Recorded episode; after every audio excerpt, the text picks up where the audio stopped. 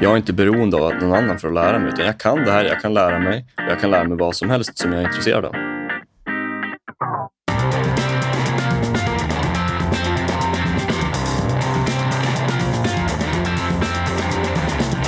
Välkommen till 25 minuter. Idag ska vi prata om eh, olika metoder för inlärning.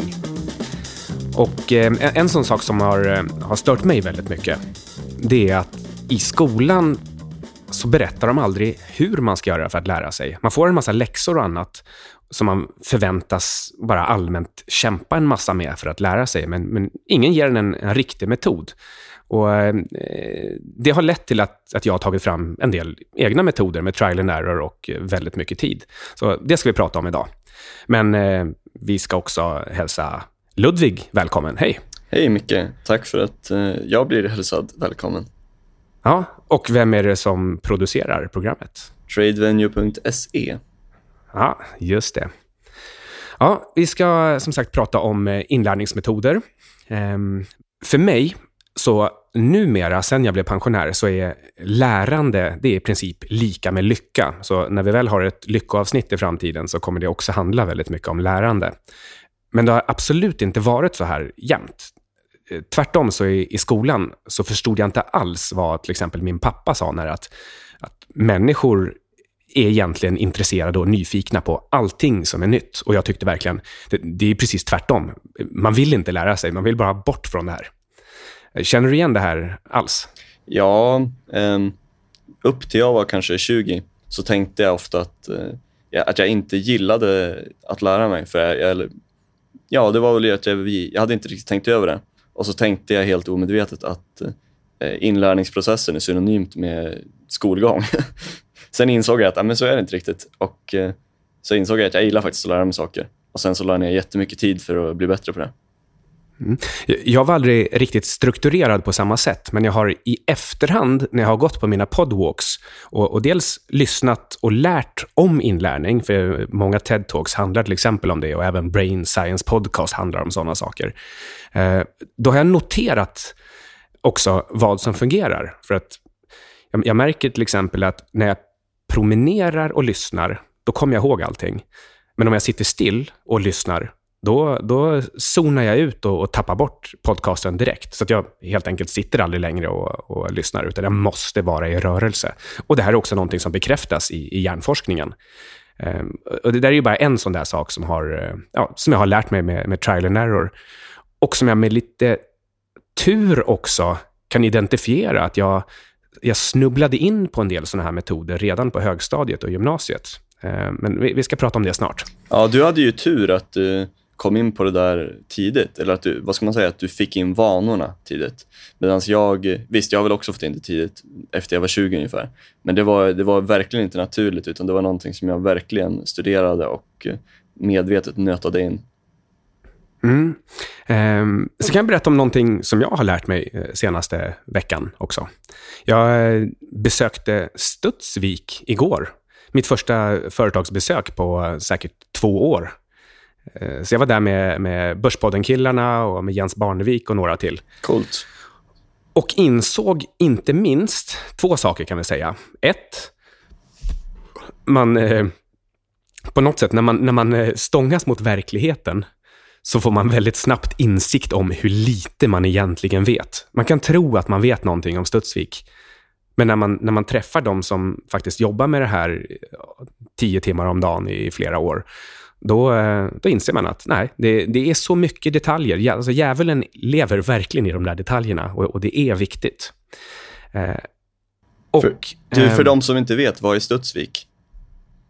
Ehm, det är ett, eh, eh, ett svenskt företag som sysslar med, med radioaktiva eh, produkter. De, de, kan mäta dem, kategorisera dem. Tidigare hade de också en, en hantering av själva avfallet och förberedelse för slutförvar och lite sådana saker. Så väldigt mycket som har att göra med att bygga kärnkraftverk, skrota kärnkraftverk, driva kraftverken och hantera och kategorisera själva det radioaktiva materialet det är ett väldigt litet företag, så man, man ska inte veta vad det gör egentligen. okay. Ehm, men men, men ja, det, var, det var vilket fall som helst spännande. Och Sen noterade jag en annan sak också.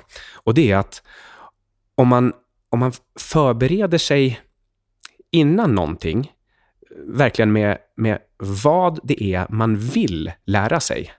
Det, det, jag tror att du kallar det säkert det här för att man, man, man primar sig för mönsterigenkänning eller någonting sånt. Ja. Då, då, då lär man sig mycket, mycket lättare. Det, det, det är som att hjärnan är redan redo att bygga de här järnbanorna och så, så fort den ser de här nyckelgrejerna som man då har, har ställt in sig på att leta efter, de sakerna som man vill lära sig, ja, då, då bara klipper den till och bygger de här järnbanorna ganska starka från start. Precis, det är som den mentala eh, likvärdigheten till eh, en proffsatlet som håller på och visualiserar vad de ska göra.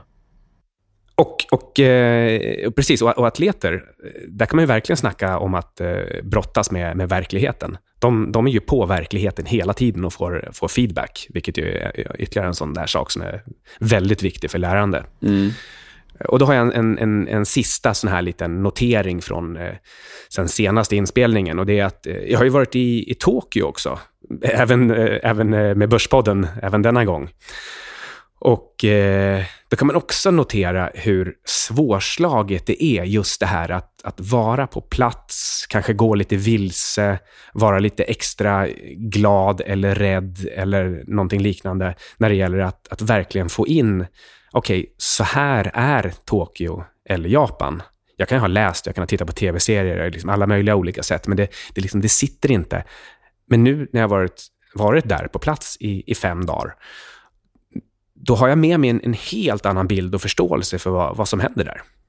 Ja, jag, jag, vet vad du menar. Jag har varit i en hel del såna här olika asiatiska länder de sista månaderna. Och det, jag har samma intryck, särskilt av Singapore när jag var där. Helt annorlunda än jag hade tänkt mig. Mm. Eh, Okej, okay, nu ska vi försöka ta oss till, till avsnittet. Och vi, som vi har eh, gett uttryck för många gånger, vi är rätt skeptiska till den traditionella utbildningsvägen, den traditionella karriärvägen. Och, och, och framför allt pratar vi om formell utbildning. Det, den modellen är, är, är förlegad och det blir värre hela tiden. Det, det enda den egentligen innebär är att man får, eh, får lära sig saker eh, lite för långsamt, eh, alldeles för sent, saker och ting som är lite verklighetsfrånvända för att det är bara akademiker som lär ut det. Ja. Eh, man får liksom ingen riktig spets på kunskapen och, och, man saknar den här riktigt viktiga feedbackloopen där man brottas med och stångas mot just verkligheten. Däremot så kanske man får ett, ett, liksom ett minimum av dokumentation, lite kontakter, de som är på skolan och, och någon typ av, vi kan kalla det för kvalitetssäkrad utbildning, men, men kvalitetssäkrad ekonomutbildning innebär till exempel att man blir hjärntvättad med, med eh, Keynes eh, modeller. Ja. Tyvärr då. Ehm, så, eh, ja, eh, framöver och jag hoppas att också eh, du som lyssnar eh, ser hur viktigt det är att åtminstone vid sidan av en formell utbildning lägga mycket tid på att lära sig saker på riktigt och försöka applicera det du lär dig i skolan och, och se om det faktiskt funkar, om det är på riktigt eller om det är gammal felaktig kunskap. Och eh, ja, vi, vi, vi, har, eh, vi har skrivit upp några saker här som är eh, de, de liksom stora allmänna problemen med det moderna publika skolsystemet. Och, och en sån där eh, riktig, riktig problempunkt, eh, det är att man blir ju man blir omedvetet inbankad att vissa saker inte går att ändra. Det vill säga, eh, saker och ting lärs ut som sanningar huggna i sten. Ja, det viktiga, en fasen där, det är att det är omedvetet.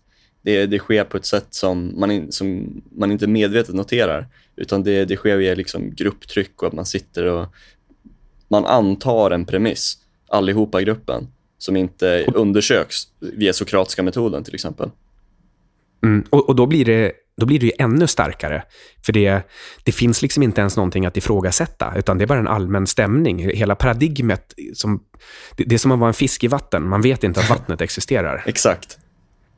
Eh, en annan sak är att ja, man, man tvingas göra allting i samma takt. Jag till exempel blev bromsad i min matematiska utveckling i, i låg och mellanstadiet. Mm, jag med. Vem, vem vet vad jag hade kunnat uträtta om jag hade fått lära mig matematik på riktigt.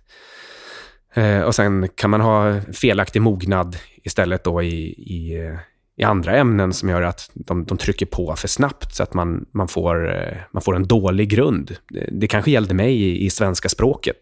Att man liksom hastade förbi det här. och ja.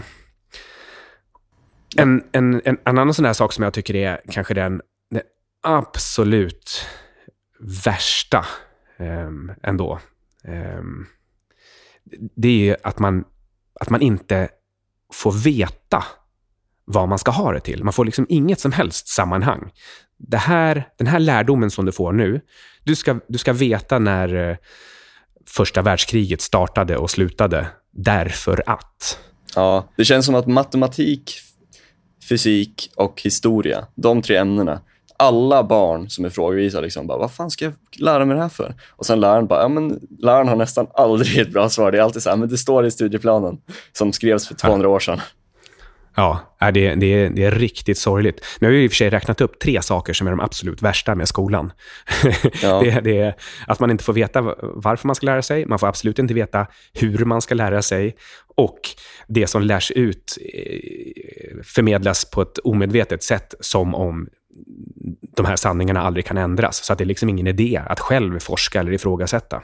Ja, problemet med det, det är det här med att man måste veta varför. Det är att alltså vår hjärna, vi har utvecklats för att vi måste veta varför. Om inte vi vet varför, om inte vi har något slags, vare sig uttalat eller outtalat mål, eller förstår resonemanget bakom, då bryr vi oss inte. Och då lär vi oss inte heller. Nej, och det är helt naturligt. Varför skulle organismen slösa massa energi på att lära sig saker som inte ska användas? För har man inget svar på varför, då är det samma sak som att säga att det här ska inte användas. Precis. Och det är precis vad 80 procent av alla matematikstuderande eh, tänker. Mm. Vad då X2? Det, det, finns inga X2 i mitt liv. Jag har aldrig sett en X2. Mm.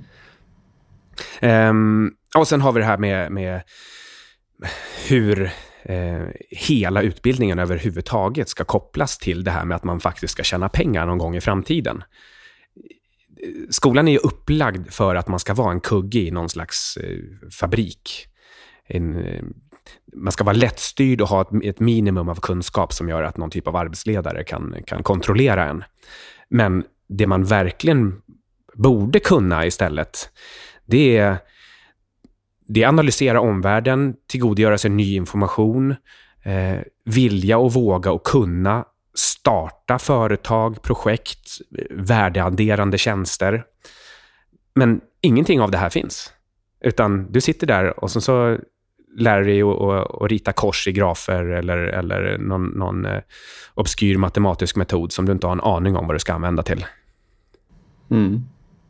Så jag menar, en, en sak som jag skulle kunna tänka mig är att varenda lektion, eller åtminstone varenda kurs, borde börja med en diskussion om vad ska det här användas till i verkligheten? Dels nu och dels om fem år, då, då är det du ska applicera det. Så att man kan få chansen att ifrågasätta om, om det här faktiskt går att använda om fem år. Ja. Och det, alltså, resultatet där det blir att det blir en brutal missmatchning mot den moderna jobbmarknaden. Mm.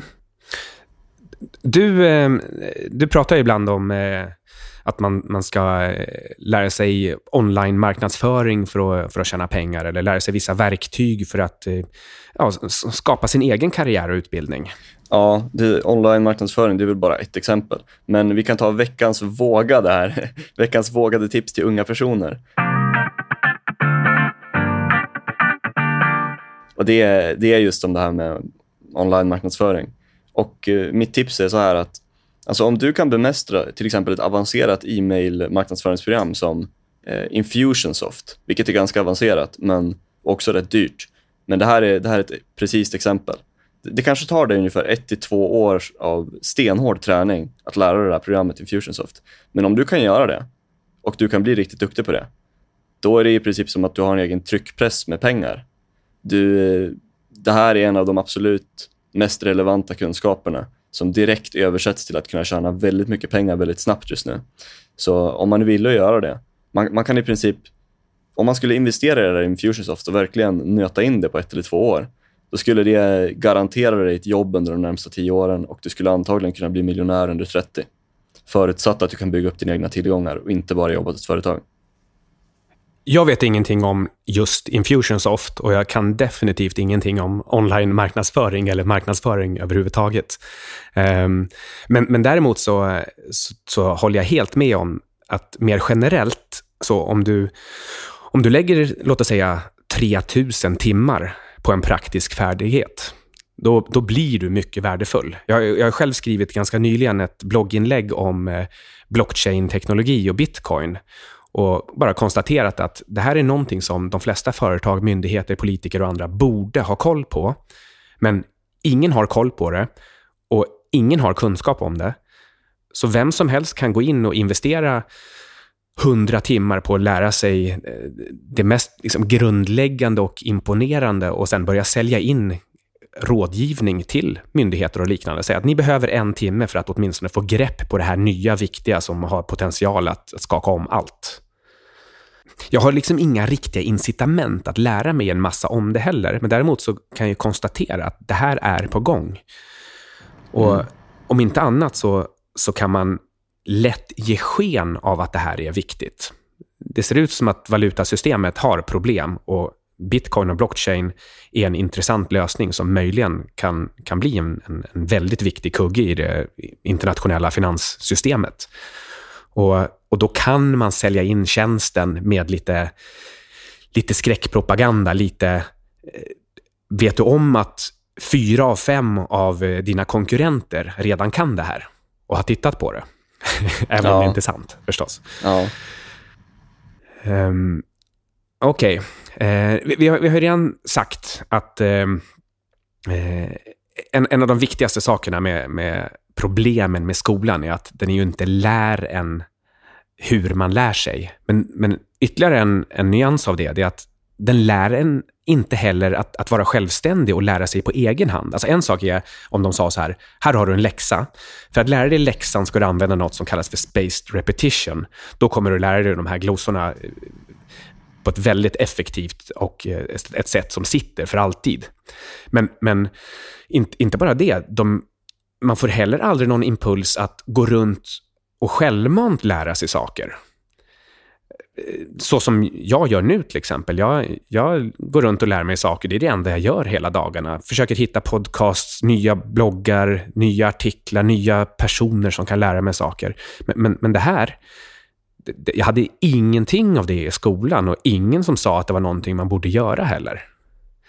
Mer än att jag råkade ha och få en dator som, som jag blev oerhört intresserad av och ville programmera på. Och då lärde jag mig förstås både algebra och engelska och disciplin och fokus och allt möjligt på, på samma gång utan att veta att det här var någon slags extra kurikulärt lärande. Men tänk om någon hade sagt att det är det man ska göra. Mm, det är det som är mäktigt att känna att nu tar jag inlärningsprocessen i mina egna händer och jag är inte beroende av någon annan för att lära mig, utan jag kan det här, jag kan lära mig och jag kan lära mig vad som helst som jag är intresserad av. Mm. Och, eh, och, också att man, är inte smart för att man sitter där med ett snofsigt diplom. Man är smart för att man egentligen ger uttryck för precis det människan är. Anpassningsbar och eh, Eh, läraktig. Och om man då, som du säger, då, tar tag i det där och tar ansvar för det själv, så um, det, det, då är man både smart och street smart och har, har möjlighet att, att ligga före kurvan hela tiden. Ja, det är veckans mindset.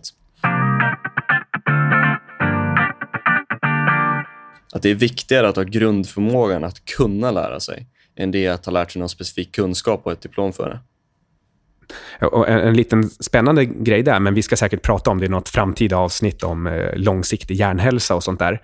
Så, så, kan man säga att, och det här ingår egentligen inte i dagens tips, men det här med grundförmågan att kunna lära sig, den kan man se på olika sätt. Antingen så har vi eh, som ett antal metoder som vi ska komma till alldeles strax. Eh, men så finns också det här att ha en allmän plasticitet i hjärnan.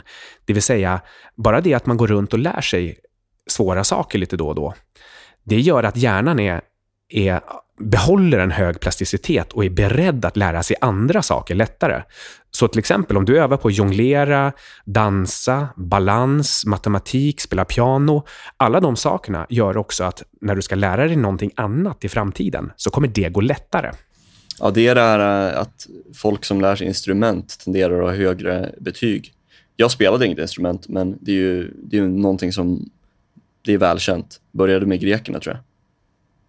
Ja, och, och, och, och, eh, det finns ju andra saker också. Nyligen så har det kommit fram forskning som visar att om, eh, om man är tvåspråkig på, på en viss nivå, då återhämtar man sig snabbare från stroke och man kan eh, eh, senare lägga eh, symptomen av Alzheimers. Alltså till och med om man har Alzheimers, alltså man har de här eh, beläggningarna i hjärnan, så om man är tvåspråkig så, ger det inte, så kommer det inte till uttryck. Ja, det, det, det är vad lärarna borde säga till eh, barnen som får lära sig sitt andra språk när de är tio år eller vad de är. Ja, det här är varför ni ska kunna det här, för att inte få stroke och Alzheimers. ja, kanske går, ibland går jag lite för långt. Uh, och uh, att till exempel någon gång på 90-talet när jag skulle sälja in IT-aktier till, till kunder, då, då använde jag nanoteknologireferenser och, och pratade om evigt liv och, och eh, diamanthissar till månen och andra saker. Eh, det här var, det här var cirka 1998. då kan man säga att, då kan man säga att det var ganska tur att jag faktiskt hade ett snofsigt diplom också. ja. Ja, då, då ska vi lite snabbt här gå igenom mina metoder som jag har eh, noterat både under uppväxten och i efterhand identifierat som att oj, de här använder jag ju tydligen och som också har blivit bekräftade av vetenskap och liknande. Mm. Eh, vi har till exempel det här att, att nyhet, när, när saker är, är nya och överraskande, då reagerar hjärnan med att det här är viktigt att, att, att komma ihåg. Um, Dessutom så får man en liten bonus som gör att eh, om man upplever nya saker, då, då ändras också tidsuppfattningen så att, så att, livet känns längre och mer, mer väl, välfyllt. Ja, det är det här med att om man, om man reser till ett nytt ställe, många personer de är så fast i sin vardagliga rutin och sitt jobb så att de är, de är habituated. De, de är fast liksom. Och sen, eh, sen när de kanske åker på sin semesterresa, då bara oj, vad långsamt tiden går, vad kul det är. En så enkel sak som att gå vänster runt kvarteret istället för höger, trots att det är bara ungefär lika långt, gör också skillnad. Man ska gärna lägga in sådana saker. Själv så har jag fått ett automatiskt beteende, att när jag känner att, att jag är på väg hem eller på väg någonstans och, och, och märker att, att jag är på väg att gå automatiskt och inte vill ta höger till exempel, då tar jag höger. Jag så gör liksom exakt samma sak. ja, kul. Eh, vi pratar också om eh, spelifiering, det vill säga att göra lärandet till, något, till en metod som är, som är rolig med eh, lagom stegrande svårighetsgrad. Eh, något som man skulle kunna kalla för bossar. I datorspel så, så dyker det upp elaka figurer av större eh, stigande svårighetsgrad som man måste hantera. Ja. Eh, och, och, och, så får man liksom en, en typ av, av, av, ständig belöning i stigande grad också. Och, och, även kan vi säga att gemenskap är en oerhört viktig del i lärande. Eh, det, vi kanske inte hinner gå in på det, men det finns en kille som heter Sugata Mitra som, eh, som har visat hur, hur småbarn E-, egentligen analfabeter och icke-engelsktalande tamilska barn kan, kan lära sig eh, bland annat genetik på engelska med hjälp av bara en, en, en internetansluten dator och, och inga instruktioner. Ehm, och, och, det här gör de bland annat eh, tack vare att de jobbar i grupp.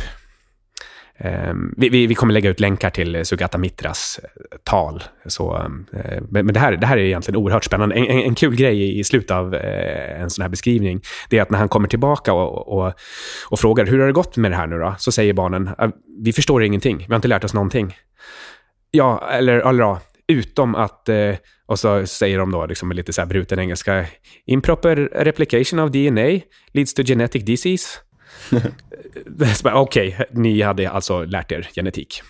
ja, inte dåligt för en tioåring eller vad det är. Nej, eh, som inte ens kan engelska. Ja, men spel, de är, ju, de är verkligen gjorda för att vara roliga och beroendeframkallande. Och eh, om man gillar datorspelande och sånt där, jag spenderar, jag typ slösade bort hela min ungdom på det där. Men om man, om man gillar datorspel och är duktig på det, då är det antagligen för att man är naturligt intresserad och man är antagligen väldigt tävlingsinriktad men att man missriktar den eh, man missriktar den egenskapen och slösar bort den på någonting som inte ger någonting. Ja, och, och, lyckas man då istället eh, ta fram pedagogiska datorspel som lär en matematik, eller geografi eller historia på ett, i, liksom ett, ett, ett roligt och utmanande kontext eh, och, och, som kanske också är lite tvärvetenskapligt, syr ihop olika delar av, eller olika ämnen och, och kanske även i nästa steg eh, lägger in någon typ av entreprenörsanda eh, i det hela. Eh, lite skämtsamt så, så träffade jag ju eh, bland annat John på, på Börspodden och han, eh, i en intervju här tidigare. Eh, och han pratade om eh, Championship Manager 2 som han växte upp med. Inte för att han menade att han lärde sig någonting av det, men, men eh, lite ekonomi och, och lite styra ett företag och en klubb fick han kanske med sig ändå. Jo, äh, men om man spelar, alltså vad man än gör, om man gör det på hög nivå, då lär man sig alltid någonting. Men om man bara är en sån här typ World of Warcraft-spelare som bara sitter och nötar eller fördriver dagarna och bara grindar, som det heter, döda monster för, för att få små guldpengar, då är det slöseri på tid. Ja. Okej, okay, nu ska jag försöka speeda upp lite grann här. Um, att befinna sig i rörelse, det är så hjärnan utvecklas. Den är utvecklad för att förstå bytesdjur och hot och lite annat. Och Det sätter också fart på någonting som heter eh, BDNF. Det är ett hormon som, som underlättar bildandet av nya hjärnkopplingar. Så rörelse, det ger bättre lärande. Ytterligare en sak det är förstås fokus och förmågan att, att eh, jobba djupt, eller deep work. Eh, det här får nog bli veckans bok. Jag tror inte vi har haft den som veckans bok, även om vi har nämnt den förut. Men, men eh, eh deep, deep Work av Cal Newport. Eh, länk kommer förstås finnas. Eh, och ett sätt som jag använder för att kunna jobba djupt och fokuserat och uppnå flow, det är att jag, jag kallar det för eh, soundwall-teknik. Det är helt enkelt att jag drar på låtar som jag är oerhört bekant med. De är, jag är så bekant med dem att de egentligen bara försvinner och blir till ingenting. Och, och då dränker de förstås alla andra externa ljud. Då kan jag bli helt fokuserad och inte reagera på fågelkvitter eller hundskall eller bilar som kör förbi. Där finns också, vi kan eh, ta ett litet länktips. Det finns något som heter Brain FM. Det finns andra sajter, men Brain FM använder sig av maskininlärning för att hitta musikslingor som, som ska kunna ge upphov till olika typer av sinnesstämningar. Eh, inlärning, fokus, energi och så vidare. Det är lite flummigt, sådär. det passar inte mig riktigt. Jag kör mina slingor. Men, eh, ja, men såna där, testa. Sådana där saker i allmänhet. Jag vet, jag vet, inte hur bra det funkar, jag har inte testat. Men jag, jag, jag är verkligen fascinerad av sådana saker. Eh, det är värt att testa. Jag har, testat, eh, jag har lyssnat på det en gång. Eh, tyckte ändå jag var, jag var förvånansvärt positiv. Men, men just då ville jag inte chansa, utan jag återgick till mina grejer. Ehm, vi har förmågan att helt enkelt bara fortsätta och inte ge upp. Man, man gör en till sak. Man fortsätter. Man, man är på varje dag, men, men man tar inte så stora steg att man bränner ut sig. Det här är en, en också dokumenterat väldigt viktig egenskap när det gäller att, att ta sig framåt. Små steg, men konsekvent. Mm, eller liksom grit, som man säger på engelska, och inte ge upp trots att det är hårt. Det är en sån här sak som... Visst, många har det nog genetiskt, medan andra inte har det. Jag har det inte genetiskt, men jag har tränat upp det så jag blivit bättre på det. Och jag tror att jag har snubblat in i det. Jag tror inte heller att jag egentligen har någon naturlig sån eh, kämpaanda eh, eller envishet. Men, men eh, på något underligt sätt så det här att jag egentligen är en slacker som vill ge upp, en riktig quitter egentligen. Eh, det har lett till att jag alltid bara har tänkt att jag gör bara en. Och sen har det blivit till att jag gör en till. Och sen har det blivit till ja, grit, helt enkelt. Mm. Jag har sysslat med, också med någonting eh, lite, så här, en, en, del kallar det för eh, helt efterblivet, men, men jag satt i bastun och pluggade när jag var, eh, ja, gick i gymnasiet. Och eh, eh, Det har då i efterhand visat sig vara så att eh, bastu i sig är fruktansvärt bra för kroppen ur alla möjliga eh, aspekter. Immunförsvar och eh, testosteron, ja, you name it. Det finns hur mycket som helst. Det, det, jag kommer lägga ut länk till det också.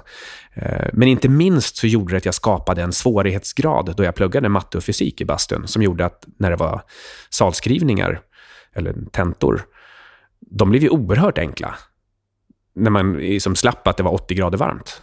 Mm, det där är ju helt sjukt att du applicerade det där på inlärning. Det är som alltså Muhammad Ali, han brukade träna när han boxades. Att, eh, alltså han boxades, jag vet inte hur många ronder han brukar köra, men när han var mästare, det är ju många ronder. Liksom. Och eh, han körde alltid dubbelt så långt när han, i sin träning, så att matcherna var enkla. Mm, ja. Eh, och, jag vet också att Gunde Svan, det fick jag veta senare, att ungefär samtidigt som jag höll på med de här bastutokigheterna, då, då lärde han sig själv att gilla när det var sämsta tänkbara väder. Eh, så då gick han upp och tränade. För då, då, visste han liksom sen när det, var, när det var tävlingsdag, att då hoppades han på riktigt dåligt väder, för då visste han hur dåligt de andra mådde mentalt, men han hade förberett sig för det här. Exakt. Det är en av de skönaste känslorna i världen när man, när man lever på det sättet, man lever hårt. Och sen ser man hur andra här, går sönder under pressen. Liksom. Men inte man själv, ja. man, har, man har medvetet tränat upp sig för det. Ja, faktiskt. Och det är inte skadeglädje. Det är, det är faktiskt det är inte riktat mot de andra. Det är riktat mot sig själv. Det är stolthet. Att, ja, yes, nu blev det som, liksom, som jag vill ha det och nu kör jag bara. Um, Ja, eh, det, det, finns lite andra eh, punkter här som kanske liksom inte är superviktiga, så att vi, vi, tar med dem lite grann i anteckningarna. Men, men eh, eh, en sak är veckans tips ändå. Och det är att slå upp ord du inte förstår. Det här snubblade jag också på mellan högstadiet och gymnasiet och jag tror faktiskt att det var en av de viktigaste nycklarna till att jag eh, faktiskt gick från att bara vara ganska duktig i skolan till att, att liksom bli topp. Eh, att jag gick inte förbi några ord längre som jag inte förstod. För, för går man förbi ord som man inte förstår, då blir det plötsligt hela stycken och hela sidor som, som på något sätt, de bara försvinner i minnet. De blir, de blir som i princip som barndomsminnen innan, innan tre års ålder. De, de finns där på något sätt, men du kan inte, får inte tillgång till dem. Eh, men slår du upp ord och ser till att använda dem i, i några meningar. Liksom, ja, se, helt, se helt enkelt till att det här blir en del av din vokabulär. Då förstår du också hela, hela sammanhanget och texten på ett helt annat sätt. Och sist, men kanske egentligen det mest vetenskapligt förankrade och det viktigaste av allting vi har pratat om här. Och det är eh, spaced repetition. Vill, eh, ja, man brukar säga what fire together wire together. Neurons that fire together, wire together. Mm, just det. Eh, och det är helt enkelt så att när, när neuronerna har, har eh, helt enkelt eh, synkront eh, blinkat, då förr eller senare så bygger de också en fysisk järnbana och då sitter minnet där nästan för evigt. Eh, och för att uppnå det här så vill man att de ska, ja, ska, ska fyra av samtidigt med en liten en logaritmiskt uppspacad, eh, uppspacade mellanrum. Så först direkt, du, du ser det du ska lära dig. Och sen en, en kvart senare kanske, och sen en timme senare och sen en månad och sen tre år senare. Har du, har du gjort det här och fått den här spaced repetition på, på rätt avstånd, då, då sitter det för alltid. Och det här är ju Ludvig expert på. Ja, det, vi kan snacka mer om det i nästa veckas avsnitt. Men man kan göra två små praktiska tillägg på det där. Och Det är för det första att man minns saker bättre om de är känslosamma. Så ju mer känslor på något sätt man kan injicera i situationen, desto bättre. Eh, och Den andra grejen är att man lär sig bättre ju fler olika eh, sinnesintryck man tar in. Till, till exempel, en gång så vill du kanske lära dig genom att eh, läsa det. En annan gång vill du lära dig genom att skriva det. En tredje gång vill du lära dig genom att prata det. En fjärde gång vill du lära dig genom att göra en bild av det eller någonting, liksom en mindmap. Det där är riktigt bra. Då, då, skapar man också, man blandar in fler områden i hjärnan som, eh, som länkas ihop. En, en absolut sista liten, liten kul övning som man, man kan göra efter det här, det är att eh, söka upp Wait But Wise blogg och, och söka på Grahams tal. Vi lägger ut länk förstås. Och så bara jobba sig igenom den artikeln. Alltså artikeln, är, artikeln är rolig, trots att den bara handlar om ett enda tal. Men det handlar om hur man kommer fram till det talet. Och att, att det är ett oerhört stort tal. Dock inte det största, men det är, stort. Det är stort. Och eh, eh, bara att jobba sig igenom en sån sak som man aldrig annars gör, då kommer du ha byggt lite extra plasticitet som du har nytta av resten av livet. Ja, nu, nu har vi snackat om mycket olika saker, slängt ut många krokar liksom. Men eh, för den som är verkligen intresserad av att lära sig de här mäktiga metatipsen för inlärning, då, eh, då har man resurserna här om man är lite intresserad. Ja, vi kommer lägga ut länkar. Jag har skrivit flera blogginlägg i anle- an, ja, som gäller de här sakerna. Och eh, Det kommer komma med i eh, ex, extra eh, flödiga anteckningar till det här avsnittet. Bra, då, då får vi vara klara där. Ehm, um, yep. För att få tillgång till alla de här länkarna som vi har pratat om, så eh, gå in på www.25minuter.se och eh, signa upp dig på vårt lyssnarbrev. Tack för att du lyssnade och hoppas att du lärde dig någonting och att du tack vare det här kommer lära dig ännu mer framöver. Då säger 25 minuter med Syding och Sundström producerat av tradevenue.se adjö för den här veckan. Adjö.